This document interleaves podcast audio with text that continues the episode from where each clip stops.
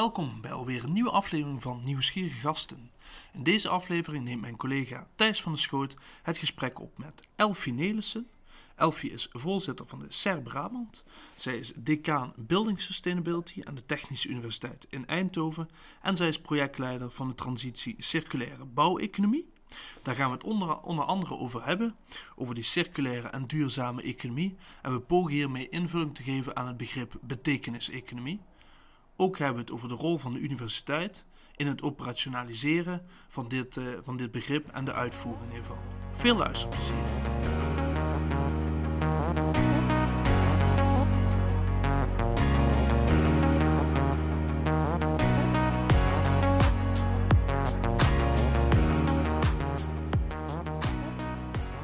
Vandaag zijn wij te gast bij Elfie Nedersen aan de TU in Eindhoven. Dank u wel voor, voor, het, voor ons ontvangen, Elfie. Ja, welkom in ieder geval. Ja, dank u wel, dank u wel. Zou u uzelf kort willen voorstellen? Ja, maar even de dingen die ik op dit moment doe. Het belangrijkste stuk dat ik uh, in het dagelijkse leven, mijn fulltime job is, uh, verantwoordelijk zijn voor de faculteit bouwkunde van de TU in Eindhoven. Mm -hmm. Waar ik als decaan uh, functioneer en ook mijn leerstoel Building Sustainability heb. En daarnaast ben ik voorzitter van de CR Brabant. En dus ook lid van Brabant Advies, wat overkoepelend is tussen de drie raden. En uh, ik ben ook nog gevraagd om de transitieagenda circulaire bouweconomie te schrijven. Die is inmiddels opgeleverd. En naar aanleiding daarvan heb ik het voorzitterschap van het uitvoeringsprogramma, wat daarop gevolgd is. En uh, om al die kennis en al die dingen die ik doe in praktijk te brengen, ben ik een aantal jaren geleden begonnen met een, uh, een nieuwe slimme wijk te creëren in de vorm van Brainport Smart District. Helder. Ik hoor heel veel verschillende petten. Uh, en allereerst heel fijn dat je toch nog tussen al die werkzaamheden tijd hebt om ons, om ons even kort te ontvangen. Ik ben, prof, ben professor Building Sustainability. Moet ik me daarbij voorstellen? Ja, we zeggen altijd uh, uh, energie hè, en energietransitie waar we mee bezig zijn. Dat is heel duidelijk voor iedereen. Daaromheen mm. zit circulariteit. En circulariteit gaat ook over het hergebruiken van materialen. Materialen zo gebruiken dat je ze ook weer kunt hergebruiken. Mm. Maar ook uh, uh, natuurlijke materialen gebruiken, zodat ze weer aangroeien in de tijd bijvoorbeeld dat je het gebruikt. En daaromheen, dus energie, circulariteit, zit weer duurzaamheid. Dus duurzaamheid ja. is het meest brede begrip. En dan moet je ook denken aan uh, sociale inclusiviteit, toch wel veel breder dan puur energie of circulariteit. Ja, dus het is, is niet meer de hardcore technologische faculteit. Mm. Inderdaad, zo zou je het kunnen noemen. Het is ook wat, wat, er zitten ook wat zachtere elementen omheen dan, ja. Oké. Okay. En u gaf al aan, een van de uitwassen als het ware is de, de Smart District in Helmond ge, geworden. Daar bent u ook een van de initiators van. Ja. Voor de mensen die dat nog niet kennen, zou u dat kort willen toelichten wat dat dan ja. is? Op een gegeven moment hadden wij hier het Smart City Program in de TU. En mm. uh, dat, dat zag ik dat we heel veel kennis hadden. Hè. Dus we werkten wel samen allemaal. En, maar we bedachten allemaal hele mooie dingen. Maar ze verdwenen vaak toch in de kast. Of maar een heel klein stukje werd gebruikt mm -hmm. door een bedrijf of zo. Toen zeiden we, laten we dat nou eens gaan toepassen op een echte wijk. En toen hebben we gezegd van nou, we moeten eigenlijk met een nieuwe wijk beginnen. Want dan kun je ook een andere infrastructuur aanbrengen. Kun je, kun je ook andere mensen aantrekken die ook dat adopteren, dat soort mm -hmm. vernieuwingen. En toen zijn we de, de Brainport Smart District begonnen. En uh, dat, is, uh, dat worden 1500 woningen plus uh, heel veel bedrijven daaromheen gecreëerd binnen nu. En we zijn eigenlijk gaan nu eigenlijk beginnen met de eerste woningen. En binnen tien jaar moet die wijk helemaal klaar zijn. Maar dan is hij nog niet klaar. Dan moet hij ook gemonitord en verbeterd en geoptimaliseerd. En nieuwe technologie moet vervolgens weer geïmplementeerd worden in die wijk. Dus dat is echt een voorbeeld van een, uh, een bijzondere wijk. Dan moet, niet alleen, dan moeten ook dingen gekopieerd kunnen worden van wat we daar doen voor Nederland, maar ook voor de rest van de wereld. Dat is wat we echt wel nastreven. En we doen dat niet op één item, want dat zie je vaak in uh, Smart City land gebeuren. Mm -hmm. Dat uh, er een, uh, een, gemeente of zo iets heel leuks gaat doen op één van de onderwerpen, ja. bijvoorbeeld mobility of zo. Maar wij zeggen nee, juist de meerwaarde zit in de integraliteit van al die vernieuwingen die we willen doorvoeren. En zit die wijk, is het dan, als moet je dat zien als een, een proeftuin voor nieuwe innovaties of is het ja, gaat het ja. meer over de, over de adaptatie van? Alle twee. Het gaat eigenlijk over allemaal, maar ik wil het meer beschouwen als een prototype. Mm -hmm. Want een, uh, een proefwerk, dan lijkt het net zo van, nou ja, we hebben een proef gedaan, is klaar, uh, uh, mooi hè, klaar. Ja. gezegend Zoals af, onderzaak, klaar. ja, hè? absoluut. En dat willen we dus niet. We Nee. willen juist dat de dingen die we hier doen voor iedereen ter beschikking zijn. En dat ze dus gewoon ook in bestaande steden bijvoorbeeld gekopieerd kunnen worden. Of in andere niet te bouwen of te ontwikkelen gebieden. Dus in die zin gaat het verder dan wat we vroeger hadden als het huis van de toekomst. eh, waar alle nieuwe gadgets zaten en dat, waar iedereen moest komen kijken, maar het vervolgens ook weer na tien jaar hopeloos verouderd was. Ja, dat willen we dus zeker voorkomen. eh, door het ook eh, levend en, en aanpasbaar te maken. Mhm. Ik hoor de vraag nu ook, al- ook al oppoppen. We hebben met name wetenschap wordt vaak verweten van goh, hoe betekenisvol is nou de dingen die wij doen, of die je als wetenschap doet voor de rest van de samenleving, de rest van de maatschappij. Hoe zie je dat hier in dit geval eh, voor, de, voor de smart districts? Ja, ik denk eh, dat het heel essentieel is dat wetenschappers zich er bewust van zijn dat het wel heel erg belangrijk is dat we de kennis uitdragen. Dat doen wij als Technische Universiteit in Eindhoven. Het beste van alle universiteiten waar ter wereld. Dus wij staan, als, het, als je praat over de samenwerking met de industrie, staan wij op de best presterende universiteit. Dus wij doen het eigenlijk best wel heel Ja. erg veel.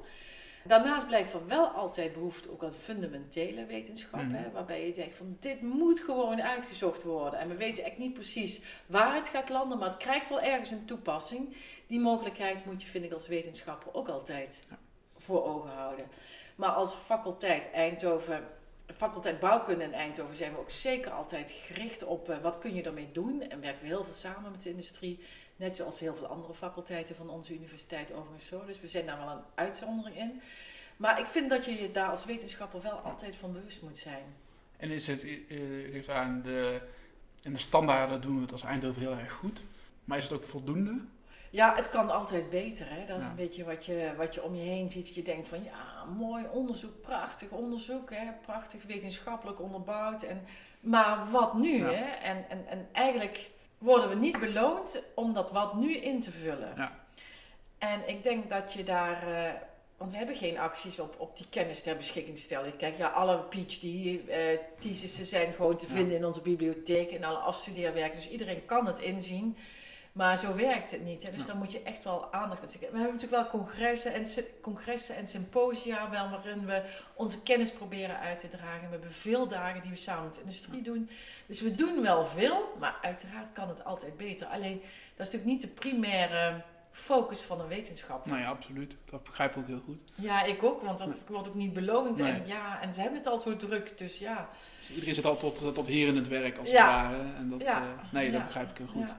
Is het mogelijk om het goed, om het goed voor het voetlicht te brengen? Want eh, laatst zag ik een artikel, eh, dat ging over, eh, er was onderzoek geweest en de, volgens mij de Universiteit van Groningen, dat bepaalde delen in zeelucht zorgen dat als je die, als je die, die eruit filtert als het ware, dan helpt dat tegen het ontwikkelen van kanker.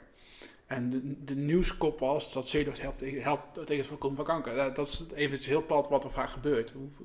Ja, wij proberen in ieder geval bij iedere PhD hè, die zijn, eh, zijn, eh, eh, promotie doet, proberen we ook een publiekssamenvatting te maken. En ik denk dat dat ook al een hele eh, goede zet is.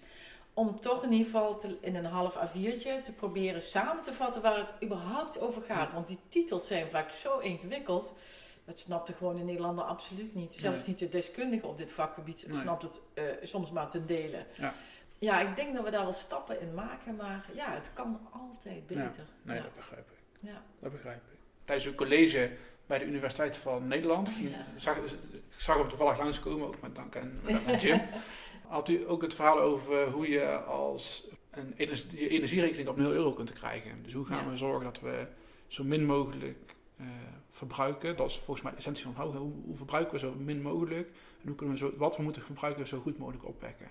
Ja. Ehm, daarin heeft u het, daar ging het vooral over de technologische kant. Maar er zit volgens mij ook een hele sociale of een hele ja, een sociale dimensie onder als het ware.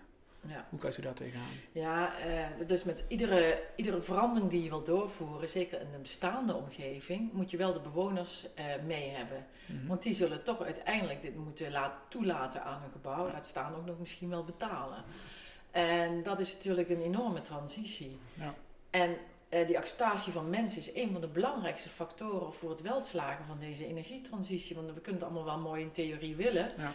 Maar als niemand het gaat doen, gaat het niet lukken. Dus je moet ook iets van eh, een, een, een aantrekkelijkheid, of je moet het aantrekkelijk maken dat mensen hun huis gaan verduurzamen. En dat zul je moeten doen, in, denk ik dan, door aan te geven, want het wordt ook veel comfortabeler, het wordt veel prettiger om in je woning te, leveren, te leven. En uh, we kunnen bijvoorbeeld ook nog je badkamer en je keuken tegelijkertijd renoveren. En dat zijn wel dingen waardoor mensen denken, hé, hey, dit is misschien toch wel aantrekkelijk. Ja. Want eigenlijk, ja, voor hun maakt het niet zoveel, ja, misschien uit ideële overwegingen nog wel een beetje, maar maakt echt niet zoveel uit waar die energie vanuit, vandaan komt. Als ze het maar warm hebben in hun huis Ja. in de winter. Hè? Is het mogelijk om de, die energietransitie ook een inclusieve beweging te laten zijn? Om het daadwerkelijk voor iedereen mogelijk te maken? Ja, dat is zeker wat we proberen. En de, de, de acties die nu worden uitgezet door de bouwagenda zijn met name in de huursector. Er zijn nu 25 wijken aangewezen waar we het gewoon gaan doen. En dat is de huursector. Dus dan praat je toch meestal over de mensen met de laagste inkomens. Dus ja, we willen het zeker inclusief laten zijn. En we willen zeker niet de laagst betaalde laten opdraaien voor de ontwikkelkosten. En dat wordt wel de uitdaging. Ja, absoluut. Dat wordt wel de En uitdaging. zit daar ook een animo in vanuit, de, vanuit die, de, die woonsector? Ja, die zitten er wel een beetje dubbel in hoor. Dus de woonbond die is wel een beetje dubbel. Van de ene Mhm. kant vinden ze het hartstikke goed dat we dit gaan doen. En eh, snappen ze ook waarom we dat willen doen. Maar van de andere kant zijn ze wel heel erg bang dat inderdaad de laagst betaalde, eh, of degene met de smalste beurs, daar de dupe van wordt of daar de rekening van gepresenteerd krijgt. En daar zijn ze heel erg alert op. En dat vind ik ook heel erg terecht. Ja, absoluut. Absoluut. Nee, daar zit, ieders belang zit daar ook Ja. eh, Ja. Om die afweging te maken. Kijk, dan zijn natuurlijk al een aantal voorlopers in de particuliere sector die uit ideële overwegingen dit gedaan hebben en bezig mee zijn. En eh, ja, op een gegeven moment kun je ook denken van als ik het geld op de bank heb staan, rendeert het helemaal niet, laat ik het maar in mijn huis stoppen. Ja. Ja, dat vind ik een hele slimme Ja, afweging. Hè? Maar dan moet je het wel het geld op de bank hebben staan. Ja, dat is altijd dat, dat is En- de crux die daar zit. Ja, en we zijn natuurlijk als eh, bouwagenda ook aan het zoeken naar een mogelijkheid om geen persoons, maar een objectgebonden financiering eh, voor Mhm. elkaar te krijgen. Dat is nogal ingewikkeld met alle bestaande regels en Ja. belasting en nou noem maar op. Maar als dat lukt, dan zou je dus als je huis verkoopt ook die hypotheek mee verkopen. Ja. En daarmee eh, wel het mogelijk maken dat dat soort aanpassingen worden gedaan. Maar de kosten daarvan zullen wel drastisch om naar beneden moeten. Anders gaat het niet zo vliegen als we hadden gehoopt. U spreekt heel, heel bevlogen over dit onderwerp. Voelt u zich ook als het ware een ambassadeur om dit, dit thema verder te helpen? Of zit dat bij andere mensen? Nou, ik ben, voel me daar absoluut ambassadeur van. Ook Mhm. de studenten die ik opleid, eh, inclusief de postmasteropleiding. Daar probeer ik zoveel mogelijk kennis over te dragen. Maar ook eh, zelf heb ik bijvoorbeeld een, al 13 jaar geleden een huis zonder gas eh, eh, gebouwd. Mhm. En daar leid ik ook met alle plezier allerlei mensen en studenten. Er zijn ook trouwens mensen die studenten, leid ik daar rond. En eh, geef de gelegenheid om te zien dat het niet Ja. alleen technisch heel mooi is, maar dat het ook gewoon heel leuk is en heel prettig is om op Ja. die manier te leven. Wat mooi. Daar- Daarmee geef je ook mee vorm aan, die, aan het verlagen van de sociale drempel, als het ware. Om toch mee te kunnen gaan doen. En dan laten Ja, zien. want je moet ja. wel dingen eh, aantrekkelijk maken. Niet alleen zeggen, u moet, u moet, u zult. Hè. Eh, dat is heel, eh, heel negatief. Nee, je moet zeggen van, Ja. god, dat is een hartstikke mooie kans wat je hebt om en je energierekening te verlagen, maar ook nog eens een keer een veel beter comfort te krijgen. En het ziet er gaaf uit, want je hebt geen radiatoren meer, Ja. in mijn geval dan. Hè. Mhm. En, nou ja, en ik heb ook nog een mooi huis gebouwd, dat maakt het ook nog aantrekkelijk. Dus het staat niks in de weg eigenlijk. Ja. En zeker bij nieuwbouw. We zouden zot zijn als we nu nog aardgas zouden gaan eh, aanbrengen in nieuwe woningen. Hoe lastig is, het in deze om... In het tijdperk is, staan feiten best wel ook onder druk. Niet iedereen is meer ontvankelijk voor onderzoek of noem maar op. Eh, zonder dat ik daar per se een oordeel aan, aan wil, wil hangen. Maar het is ook lastig in, in zo'n situatie dan om daar als professor of als ambassadeur in dit geval mee om te gaan. Nou, eerlijk gezegd vind ik het niet zo lastig. Je, je vertelt gewoon je verhaal en je probeert mensen duidelijk te maken wat de voordelen zijn en waarom ze het moeten doen. En wat ook de risico's zijn, vind je wel altijd eerlijk moet Ja. communiceren. Dus als je nu een oud huis hebt, dus, dus zeg eens even 40 jaar oud of zo, hè, en eh, je hebt een hooggestookte installatie en je moet nu je cv-ketel gaan vervangen, ja, dan weet ik ook niet of ik, of ik dan een warmtepomp Nee. zou neerzetten. Dat is maar zeer de vraag. Ja. Dit ligt ook aan je bankrekening, het ligt eraan aan je omst- persoonlijke omstandigheden. Het ligt ook aan je woning, hoe die op dit moment is ingericht. Ja, het heeft met zoveel factoren te maken. Dus dan moet je, je moet wel eerlijk communiceren, Ja. vind ik. Maar als de hele straat om een collectieve warmtepomp overgaat, met een warmte-koude opslagsysteem bijvoorbeeld, dan zeg ik van ja, doen. En als je dan ook nog eh, je huis kunt isoleren, als je daar de middelen voor hebt, doen. Waardoor de uh, energiebehoefte enorm afneemt, waardoor je met hele andere systemen uit de voeten kunt. Ja, dat is. Ik vind dat uit morele overweging moet iedereen het doen. Ja. Ik ga er niet over om, om hun moraliteit bij te brengen of zo. Of Nee. ideële overwegingen bij te brengen. Ik probeer wel te vertellen wat mijn overwegingen zijn daarbij. We gaan even een stapje zetten naar eh, een van uw andere eh, functies. Ik ben de voorzitter van de Sociaal-Economische Raad hier in Brabant, zoals u eerder aangaf. Ja. En in die hoedanigheid, ik zag een stukje langskomen, eh het ging over de eh, Brabantse economie. Eh, de Brabantse economie, die, de letterlijke quote is, de Brabantse economie eh, breekt record na record. Maar vervolgens uw quote was ook, maar de groei valt stil als we nu niks gaan doen. Is die groei aan zich een doel voor Brabant? Hmm, Is het een doel voor Brabant? Ja, ik denk dat het wel belangrijk is om ons op de kaart te blijven houden. En dat zou betekenen dat je op, op zijn minst eh, toch wel die economische groei zou moeten blijven doormaken die vergelijkbaar is met de rest van Nederland. Dat is wel Mhm. het laagste wat je zou moeten ambiëren. Ehm, het grote probleem daarbij is natuurlijk het beschikbaar zijn van arbeidskrachten. Want dat wordt gewoon de bottleneck voor de komende jaren. Ja. Hoe komen we aan personeel? Want we hebben het werk wel, maar ja, eh, we komen niet aan voldoende eh, en ook gekwalificeerd personeel. Dus dat is ook de reden waarom we een heel plan hebben gemaakt om, om Brabant zich Brabanders, maar ook andere mensen zich bewust van te maken. Van dat ze een leven lang moeten blijven leren. Dat dingen zo snel veranderen dat je zelf niet kunt blijven stilstaan, want dan val je uit de boot. Ja. Dus we vinden ook eens bijvoorbeeld zo'n APK-keuring die we hebben eh, geadviseerd om, Mhm. eh, om die te doen, vinden we echt heel goed. Dat je af en toe eventjes geconfronteerd wordt van wat, waar ben ik mee bezig? Ben ik op de goede weg? Kan ik zo nog wel een bijdrage aan deze maatschappij blijven leveren? Dus heel kort voor de luisteraar uitleggen wat die APK-keuring Ja, inhoudt. ja die wat is dat je om de zoveel tijd een keer een gesprek aangaat met iemand en zegt van... eh, wat zijn de opleidingen die je doet? Wat voor werk doet je? Wat kun je? Wat moet je kunnen? En, en dat gewoon eventjes eh, tegen het Ja. licht houdt. Dat gaat vanuit, dat is echt gericht op, gericht op het individu. Ja, dat is bedoeld om individueel Ja. mensen even te helpen om, eh, om na te denken over moet ik een opleiding gaan doen of niet? Biedt En die, welke? ja, biedt die economische groei ook kans voor... Of he- heeft die... Er zit, want er zitten, ik hoor u zeggen dat er ligt een enorme economische kans als wij dat goed ingevuld kunnen, kunnen krijgen.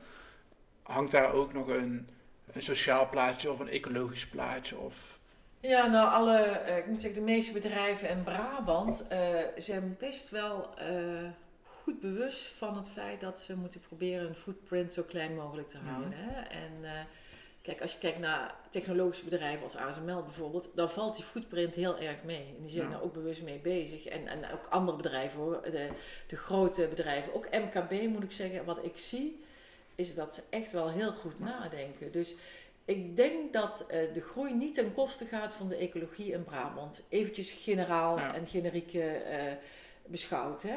Je moet er wel over blijven nadenken, Ja. ja. Want eh, als je bijvoorbeeld kijkt naar de landbouw en de veeteelt, dan is dat best wel een ding waar we Ja. af en toe ja, toch wel tegen grenzen aanlopen, denk ik.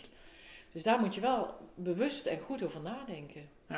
en zit daar ook een rol voor, eh, voor u al, en u in dit geval als SER, om dit, dit soort dingen geagendeerd te houden? Ja, we hebben toevallig over die agrofood hebben we, eh, hebben we wel degelijk een, een, nu een, hebben een onafhankelijke eh, in scenario's gedachte toekomstvisie zijn we aan het maken. Die wordt nu de komende maanden afgerond. Mhm.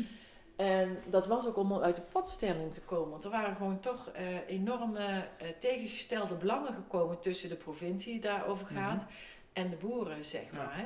De ZLTO ook als vertegenwoordiger daarvan. En die zaten eigenlijk om een situatie dat ze niet met elkaar praten. En toen hebben wij gezegd als Brabant Advies dan in deze, waar de SER onder valt. Mhm. Ehm, laten we eens kijken, kunnen wij een toegevoegde waarde zijn om uit die impasse te komen? En Ja. kunnen wij daar een bijdrage aan leveren? Want het is voor niemand goed dat we nu in een soort vacuüm terecht zijn gekomen. Dat niemand meer met niemand wil praten. Dus toen zijn we eigenlijk dat met onafhankelijke deskundigen gaan oppassen, pakken. En iedereen praat weer en iedereen zit weer aan tafel. En er komt nu, als het goed is, een goed advies uit. Ja. Waar, eh, wat niet het advies is, want er- daar zitten natuurlijk politieke afwegingen omheen. Maar wat wel eh, denkt in bepaalde scenario's. Ja. Als dit, dan dat. En als dit, dan zou je dit moeten vanuit die gedachte moeten Ja. doen. Dus in die zin kun je als, als, derde, als derde partij aan tafel, ook als bemiddelaar hier goed, een, goed je rol in pakken. Ja, dat vinden wij wel, ja. Ja. ja. Wat, een vraag die we bij veel, in veel van onze gesprekken stellen is, zeker wanneer we het thema betekenis-economie raken, hebben we het vaak over sociaal ondernemerschap versus reguliere ondernemers. Ja. Kunnen we daar een, onderscheid, daadwerkelijk een onderscheid in maken in uw ogen? Ja, ik vind het wel heel erg interessant dat er steeds meer bewegingen zijn, ook door het eh, eh, eh, Nationaal Planbureau hè, of het Planbureau, dat, dat, dat er niet alleen maar gedacht wordt in euro's, hè, de bruto nationaal product en zo, maar dat er ook wordt gedacht in kwaliteit van leven. En Ja. ik denk dat dat echt veel belangrijker is eh, dan de euro's. Ja. Natuurlijk zijn de euro's een middel om de economie uit te drukken. En is dat ook nog een hele makkelijke handelseenheid. Maar uiteindelijk gaat, gaat het daar niet om. Nee. Het gaat uiteindelijk in hoe houden we eh, de kwaliteit van leven die we nu hebben, toch minstens op het niveau waarop we nu, nu zijn.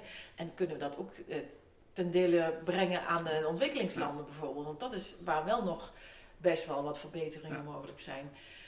En dat vind ik ook wel heel mooi om dat te zien in, in studenten en ook mijn zoons. Die, eh, die, die, die denken veel minder in, eh, in, in geld, maar meer in eh, ja, kwaliteit van leven. Niet, zo goed, niet zozeer van, ik moet zorgen dat ik heel veel geld op de bank heb, maar Ja. zit meer van, ik wil de dingen kunnen doen die ik zou willen doen. En daar is soms wel geld voor nodig natuurlijk. Hè? En hoe uitziet dat bij, bijvoorbeeld bij uw studenten? Zijn, zijn, zetten die dan ook andere stappen in hun, in hun studietraject dan? Dat, dat ze misschien 20 jaar geleden deden? Ja, wat je nu nog wel eens ziet is dat ze heel bewust kiezen voor eh, bijvoorbeeld een, wat langer verblijf in het buitenland tussendoor. Of na hun opleiding eh, een jaar, eh, een tussenjaar te gaan doen voordat ze echt Mhm. gaan werken. Omdat ze dat toch wel zien als kansen om zichzelf te ontwikkelen. En je ziet ook wel dat ze, ja, dat ze wel hun interesse, die studie is natuurlijk nog steeds heel belangrijk. Ja. Zeker financieel gedreven moeten ze snel, snel, snel, snel, snel studeren. Maar je ziet toch ook wel dat veel studenten toch nog wel in staat zijn andere taken erbij op te pakken, waardoor ze zich behoorlijk verbreden. En is dat jeugdig idealisme of is dat iets wat ook wel in stand blijft over die, eh, op het moment dat ze hier weg zijn gegaan? Ja, het is deels jeugdig idealisme. Ik zie alleen dat eh, naarmate je ouder wordt, je, je steeds meer eh, dus zorgen gaat maken over de aarde en de kwaliteit van leven op termijn Mhm. op meerdere plekken op deze aarde. Dus dat bewustzijn groeit misschien juist wel met de Ja. jaren.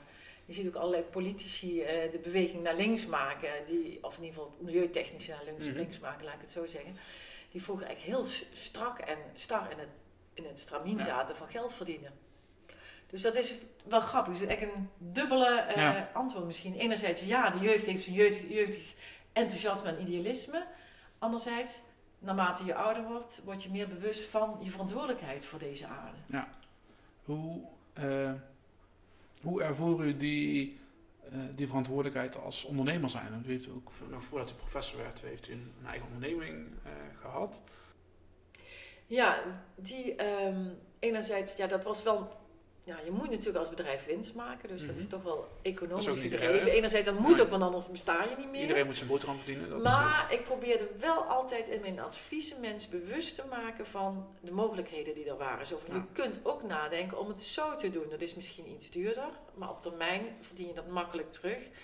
Dat soort adviezen gaven we altijd heel bewust en ook heel duidelijk. Waarbij ik niet degene was die de beslissing altijd Nee. moest nemen. Hè. Ik bedoel, maar ik probeerde wel altijd eh, mensen zich heel bewust te zijn van de keuzes die ze hadden. Of me- mensen bewust te maken van de keuzes die ze hadden. Dat Zit daar ook een ontwikkeling in dan in de keuzes die mensen uiteindelijk maken op dat gebied? Of is dat iets wat... Je ziet wel dat, dat bedrijven daar eh, en ook eh, andere mensen, eh, particulieren, ook wel degelijk meer de stap maken richting duurzame eh, energie of wat dan ook. Ja. Mooi. Ik kom toch een keer terug op mijn vraag. Kunnen en moeten we een, een onderscheid maken tussen sociaal ondernemers en regu- reguliere ondernemers? Zit daar een... Nou, dat is natuurlijk een heel eh geleidende schaal. Ik denk dat iedereen een sociale ondernemer zou moeten zijn. En wat je daar dan onder verstaat, en iedereen vult dat weer op zijn eigen manier in. Hè? Mhm. Eh, ik vind het wel heel goed om daarover na te denken. Dat op zijn minst. Dus ik vind eigenlijk dat iedereen een sociale ondernemer zou moeten zijn. Mhm. Maar ja, je hebt ook je winstdoelstelling altijd. eh, moet je in, in, in, in, in ogenschouw nemen. Want anders Ja. heb je straks geen werk meer voor je mensen. Dat is ook niet sociaal. nou, en daar is het natuurlijk altijd tussen op en neer bewegen. Absoluut. En eh, ja. ja. Geldt, het- geldt het alleen voor ondernemers? Geldt het, is, mogen dat ook breder trekken voor universiteiten, voor ziekenhuizen, voor... Eh, dat denk ik wel. Ik denk dat je toch ook als organisatie, grote organisatie, altijd moet nadenken: wat is het, het grotere belang van wat ik doe? En hoe kan ik mijn steentje bijdragen aan, aan een betere wereld? En eh, dat geldt voor ziekenhuizen, dat geldt voor universiteiten, het geldt echt voor alle organisaties in Ja. mijn ogen. Ja. Hoe ben je als professor zijnde je, je eigen sociaal ondernemer als het ware? Eh, dat ben je onder andere al door, door de soort onderzoek wat je wil doen. Je probeert het onderzoek aan te trekken waar je in, geïnter- in geïnteresseerd bent. Mhm. En hoe meer je het oog hebt voor het welzijn van de wereld, hoe socialer je dus je onderzoek zult definiëren en Ja. Ook eh, je onderwijs eh, daarop aanpast. Dat is, gaat eigenlijk heel erg, ja, ongemerkt zit dat gewoon in alles wat je doet, denk Ja. ik. Hoe eh, maken we die technologische ontwikkeling, die zeker hier op de, op de TU-campus ontzettend snel gaat, hoe zorgen we dat, die, dat de adoptie daarvan ook daadwerkelijk bij mensen gaat landen? Hoe zorgen we ervoor dat, dat, we, dat, nog, dat we nog meer eh, gebruik kunnen maken van alles wat ontwikkeld wordt bij een TU, bij een Philips, bij eh noem maar op. Ja, ja, ja. Dat is eh, door toch het verhaal te blijven vertellen, denk ik. Maar ook ons onderzoek te blijven doen. Want een van de dingen waar we nu mee bezig zijn is van... Hoe kunnen we die energieopslag nou gaan realiseren? Want dat is het grote probleem, hè? We hebben in principe duurzame energie in overvloed. We kunnen het omzetten, we kunnen het alleen nog niet betaalbaar opslaan. En dat kun je chemisch doen, dat kun je met warmte doen, of dat kun je met eh, materialen doen, met metalen doen. Dus er zijn allemaal gedachten over. Eh, maar het moet ook echt onderzocht worden. En daar gaan we nu de komende jaren heel duidelijk op inzetten. En ik denk dat dat, stel nou dat we dat zouden uitgevonden hebben, ja, dan moet dat natuurlijk als wiede weer gaan bekend worden. En, en dan moet je ook de media opzoeken. En dus media opzoeken, je ha- verhaal bl- blijven halen, dat is gewoon heel erg belangrijk. En er zijn ook wel wetenschappers die zo in hun eigen Mhm. technologie zitten, zeg maar, dat ze bijna vergeten dat ze dat verhaal moeten vertellen. Ik probeer bijvoorbeeld als decaan van deze faculteit regelmatig tegen de mensen te zeggen van laten we nou ook even overleggen met onze eh, nieuwsmensen. Hoe, of we misschien interessante dingen aan het doen Ja. zijn die we zelf heel normaal vinden. Ja. Maar die wel heel erg eh, interessant zijn voor de gewone Nederlander of voor juist de bedrijven of zo. Dus dat, dat zoek ik continu op. Ik probeer continu die vraag te blijven stellen aan de wetenschappers. En dat heeft al menig leuk artikel en eh, eh, nieuwsitem Dus opgeleverd. we, hebben, Ja. we hebben nu wel zo'n vrucht af dan. ja, absoluut. Ja. Het is gewoon bewust maken. Ja, gewoon bewust maken is, is Het moeilijk klinkt, het klinkt, het klinkt heel eenvoudig, maar het is vaak de praktijk lastig. Nee, dat begrijp ik. Ja, dat is best lastig. Ja. Wil ik u hartelijk danken voor, eh, voor, het, voor ons verwelkomen hier en voor het, voor het hele fijne gesprek. Hartstikke gedaan. Graag gedaan. En we proberen de boodschap uit te dragen. Dat blijven we doen. Hè?